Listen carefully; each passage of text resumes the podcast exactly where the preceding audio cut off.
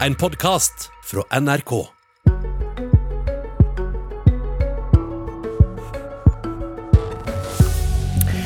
Det er de voksne som driver denne pandemien, ikke barn og unge, sa FHI og advarer mot bruk av heimeskole når smitten er låg. Likevel er det de voksne lærerne som får det som de vil av de voksne politikerne. Vi ønsker god morgen, vel møtt til Politisk kvarter. Her i studio sitter kunnskapsminister Guri Melby og SV-leder Audun Lysbakken klare til å diskutere bruken av heimeskole også når smitten er låg. Men vi starter med deg, Pål Syren. Du er barnelege og forsker på barns helse og utvikling i FHI. Du har vært med å skrive høringssvaret som Melby fikk før hun og regjeringa åpna for nettopp mer heimeskole også på gult nivå, som det heter. Hvorfor er Folkehelseinstituttet så kritiske til dette? Vi er kritiske av flere grunner. For det første så mener vi at hjemmeskole gir dårligere undervisningskvalitet. Eh, og det andre vi er bekymret for, er at eh, vi tror det kan føre til at smittefrykt kan snike seg inn som en begrunnelse for å stenge skoler, selv om det ikke er ment som i eh, den nye forskriften. Og Det så vi eksempler på mange steder før jul, hvor det var mange kommuner som stengte skolene selv om det ikke var smitteutbrudd på de skolene. Og I en del tilfeller ble beskyttelse av julefeiringen brukt eksplisitt som begrunnelse. At man ville unngå karantene i jula. Eh, og Vi ser også at det er mange, bl.a. Utdanningsforbundet, som eh, tar til orde for bruk av hjemmeskole som et forebyggende smitteverntiltak, også selv om det ikke er mye smitte i, i kommunene. Så Vi frykter altså at det kan bli brukt som et slags eh, smitteforebyggende tiltak, selv om det ikke er ment sånn. Og så skriver de også at de mener at omfanget av dette problemet, altså behovet for mer hjemmeskole ved gult nivå, er uklart. Hva legger de i det?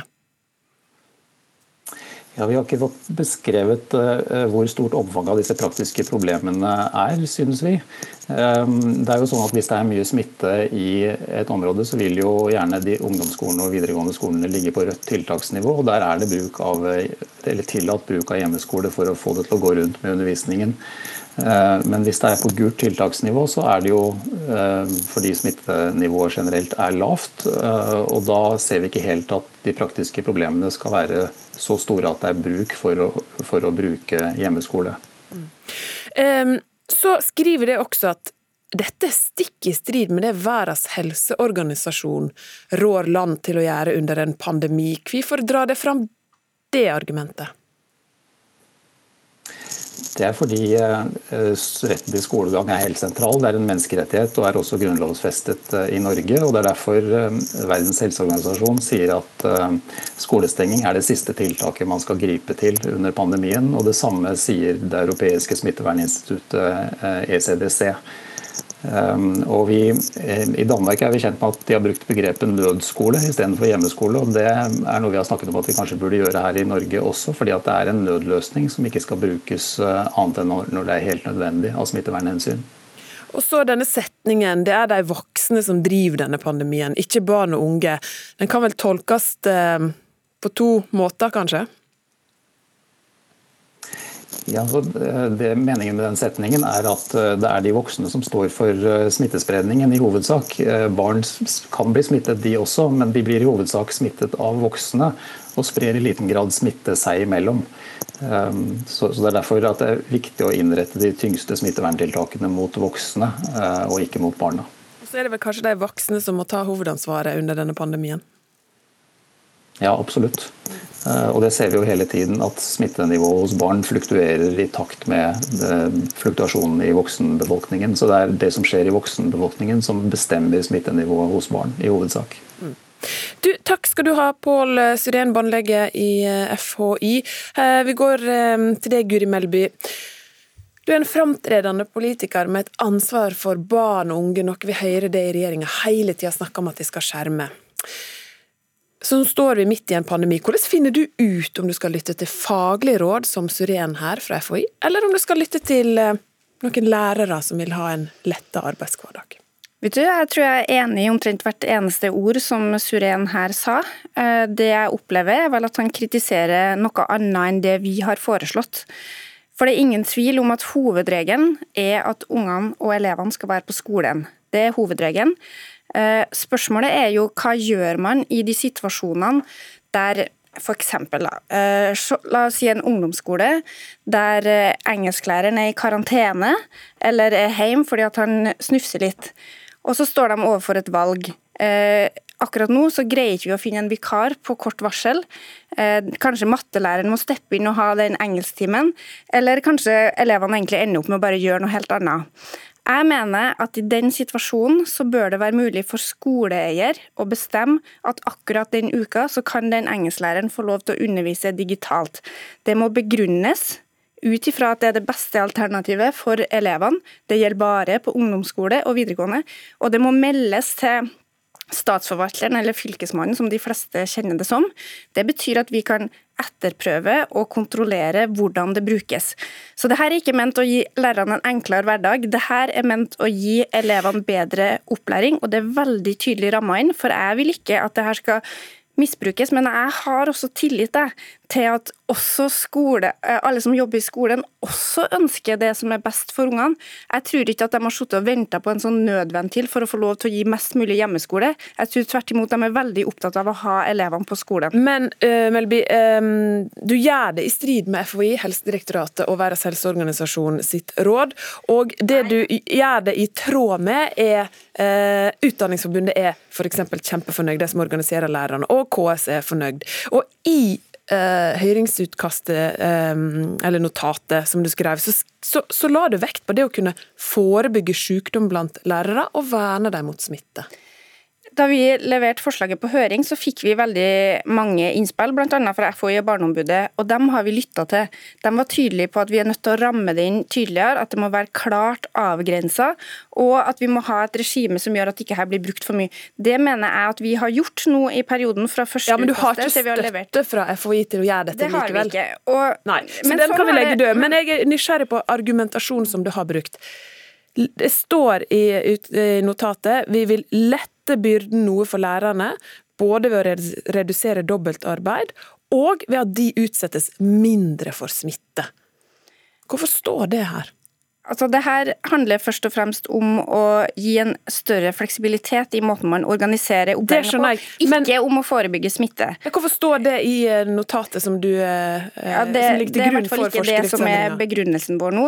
Eh, fordi at Hvis man skal gjøre det for å hindre smitte, så er det jo å gå over til rødt nivå som er det riktige tiltaket. Men gjennom hele denne pandemien så har vi ja, vi har lytta til faglige råd fra bl.a. FHI og Barneombudet, men vi har også lytta til dem som jobber i sektoren. Og jeg mener at som politikere så har vi et ansvar for å gjøre begge deler.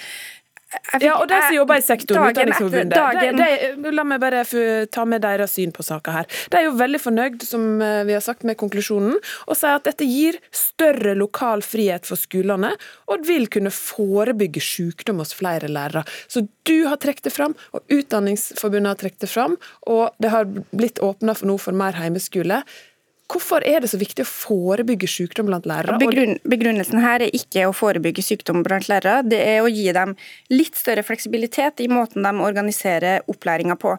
Og eh, Dagen etter at vi hadde lagt fram det her på høring, så hadde jeg møter med seks forskjellige kommuner. Jeg driver og har møter med liksom, kommune etter kommune for å høre hvordan ting går. Og det de sa var at Da vi fikk dette forslaget ut, så ble vi nesten på gråten. For for det første så opplevde vi at noen tok situasjonen vår på alvor. For det andre så opplevde vi at noen viste oss tillit til at vi greier å løse det her best sjøl. Og jeg opplever at det som FHI og Barneombudet og sånn gjør, er at de stiller opp en slags sånn idealsituasjon. For det er åpenbart at det beste for alle elever det er å være på skolen med læreren sin og få vanlig, god undervisning. Men vi er i en pandemi, og alternativet er ikke alltid at vi kan gi god undervisning i klasserommet. Vi har lærere nå som springer mellom tre klasserom fordi at de kan ikke ha valgfag sammen, elevene. Du kan ikke ta elever fra tre klasser og putte dem inn i samme klasserom. De springer mellom tre klasserom. Da kan det hende at den læreren hadde greid å gi bedre opplæring hvis han fikk lov til å gi akkurat den timen digitalt. Og du går inn for mer hjemmeskole ved gult nivå? Eh, eh, jeg gir større fleksibilitet til skolene. Jeg håper jo at det blir veldig få som trenger å bruke det. Audun Lysbakken, eh, SV er ikke for dette, men eh, flertallet rår, så det blir jo slik. Det kan jo virke sånn ut fra det Fremskrittspartiet har sagt på morgenen i dag. Eh, det dette handler om, er eh, fra vår side at vi må gjøre alt vi kan for å unngå at nå blir mer bruk av hjemmeskole i norsk skole. Fordi vi vet så mye om hva de negative konsekvensene av det er for læring, for hvordan barn og unge har det, og for de sosiale forskjellene. Og Det er en av de store krisene i den krisen vi står i, at den rammer så sosialt ulikt. Og Vår frykt med dette forslaget er jo at det vil senke terskelen for hjemmeskole i en situasjon hvor vi allerede har altfor mye hjemmeskole med den situasjonen det er. Og Så prøver kunnskapsministeren å bagatellisere dette og, og si at det skal bli lite brukt. men men når vi ser på det som har kommet i denne høringsrunden, så er jo reaksjonene kraftige. Ikke bare fra FHI, men også fra Barneombudet, som skal, er satt til å passe på barnas rettigheter. De bruker sterke formuleringer i sin advarsel. Jeg forstår veldig godt jeg, hensynet til eh, lærerne og lærerorganisasjonene sin posisjon. Men eh, her eh, mener vi at dette eh, forslaget er for dårlig innrammet, det er for uklart hva det vil føre til, og vi risikerer å senke terskelen for å ta i bruk Men, hjemmeskole. Melby sitt argument En lærer som sitter i karantene og snufser litt og er fullt i stand til å undervise digitalt, er ikke det en bedre løsning enn en ufaglært geografi- eller engelsklærer? Det kan helt sikkert finnes enkelteksempler på det, men da kan du ikke lage en så vid adgang til å innføre hjemmeskole i større grad i norsk skole. Så må vi huske på sant? hva er det som er virkeligheten der ute nå. Jeg skjønner godt lærerorganisasjonene sitt, eh, sitt ståsted, og, og min, min, uenighet her er ikke med de, men de er altså satt i en situasjon hvor denne regjeringen gjennom mange år med underfinansiering og lærermangel har skapt en vanskelig situasjon for skolene. Manglende vilje til å komme med de ressursene som kommunene trenger. Og Jeg stoler rett og slett ikke på at, ikke denne, at denne, regjeringen ikke har snudd hver eneste stein for å unngå dette. Melby. Det får preg av en ansvarsfraskrivelse og kan bli en sovepute istedenfor å løse det som er den virkelige ressurskrisen i norsk skole. For det første har vi aldri hatt høyere lærertetthet i norsk skole enn i dag. Vi har brukt milliarder på å øke lærertettheten. Men jeg vet at det er slitsomt nå rundt omkring på norske skoler, og jeg vet at de jobber vettet av seg for å finne gode løsninger. Men det her er ikke lagd først og fremst av hensyn til lærerne, det her er lagd av hensyn til elevene. Det står veldig tydelig innramma i denne forskriften at det kan kun brukes dersom det er til det beste for ungdommene, dersom det er det som gir best pedagogisk undervisning. Og det som er litt pussig, jeg er litt overraska over at SV er imot det her. Fordi i oktober, da vi på Stortinget la fram en proposisjon om hva som skulle være koronaregler reglene for skolen, så skrev jo SV Senterpartiet en merknad dem, der de etterlyste større handlingsrom for skolene på gult nivå, der de ba regjeringa om å komme med forslag om hvordan det skal gjøres. Så jeg er veldig usikker på hva som er feil med det forslaget. Jeg er veldig åpen for innspill på hvordan det kan rammes inn enda bedre. Der må SV gjerne komme med forslag til oss. Vi har hatt forslag ut på høring, har ikke skjedd noe innspill fra SV. Men selvsagt, hvis det blir brukt feil, så skal jeg være den første til å gjøre opprettinga av forslaget. Altså, jeg, jeg, tror kunnskapsministeren det, det bør gjøre inntrykk på henne når det kommer så sterke advarsler fra de som er satt til å forvalte smittevernregimet, og fra de som er satt til å forvalte barna sine rettigheter. Da kan man ikke bare avfeie dette. Det gjør i hvert fall inntrykk på meg, og jeg lytter til de. Og de sier at dette er for dårlig innrammet. Det bekymrer meg, for det siste vi trenger i norsk skole nå, er mer hjemmeskole.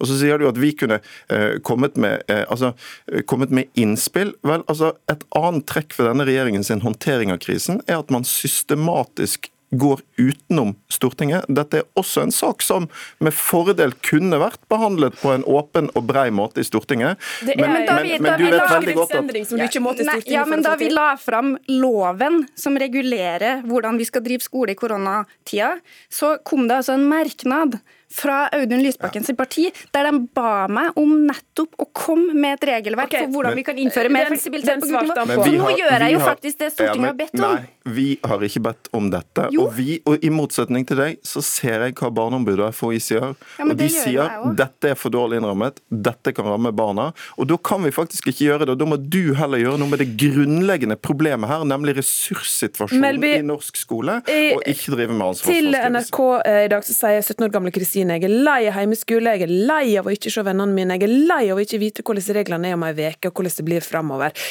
Fram til nå så har hun forholdt seg til rødt og gult nivå. Nå er det et oransje nivå som er innført? Nei, det er fortsatt et gult nivå. Og jeg skjønner Kristine veldig godt, og jeg tror det er veldig mange elever som er lei, som er lei av koronaskole. Det forstår jeg, men hvordan skal hun vite om det blir heimeskole på gult nivå i morgen eller neste uke? Kjapt. Hovedregelen er at det ikke skal være heimeskole, og jeg har tillit til at Skole-Norge forvalter det her på en god måte. Da sier jeg takk for at jeg kom i studio, Audun Lysbakken fra SV, Guri Melby, kunnskapsminister, og det blir pressekonferanse klokka 14.30 med siste nytt fra regjeringa om koronasituasjonen. Politisk kvarter er slutt. Du har hørt en podkast fra NRK. Hør flere podkaster og din favorittkanal i appen NRK Radio.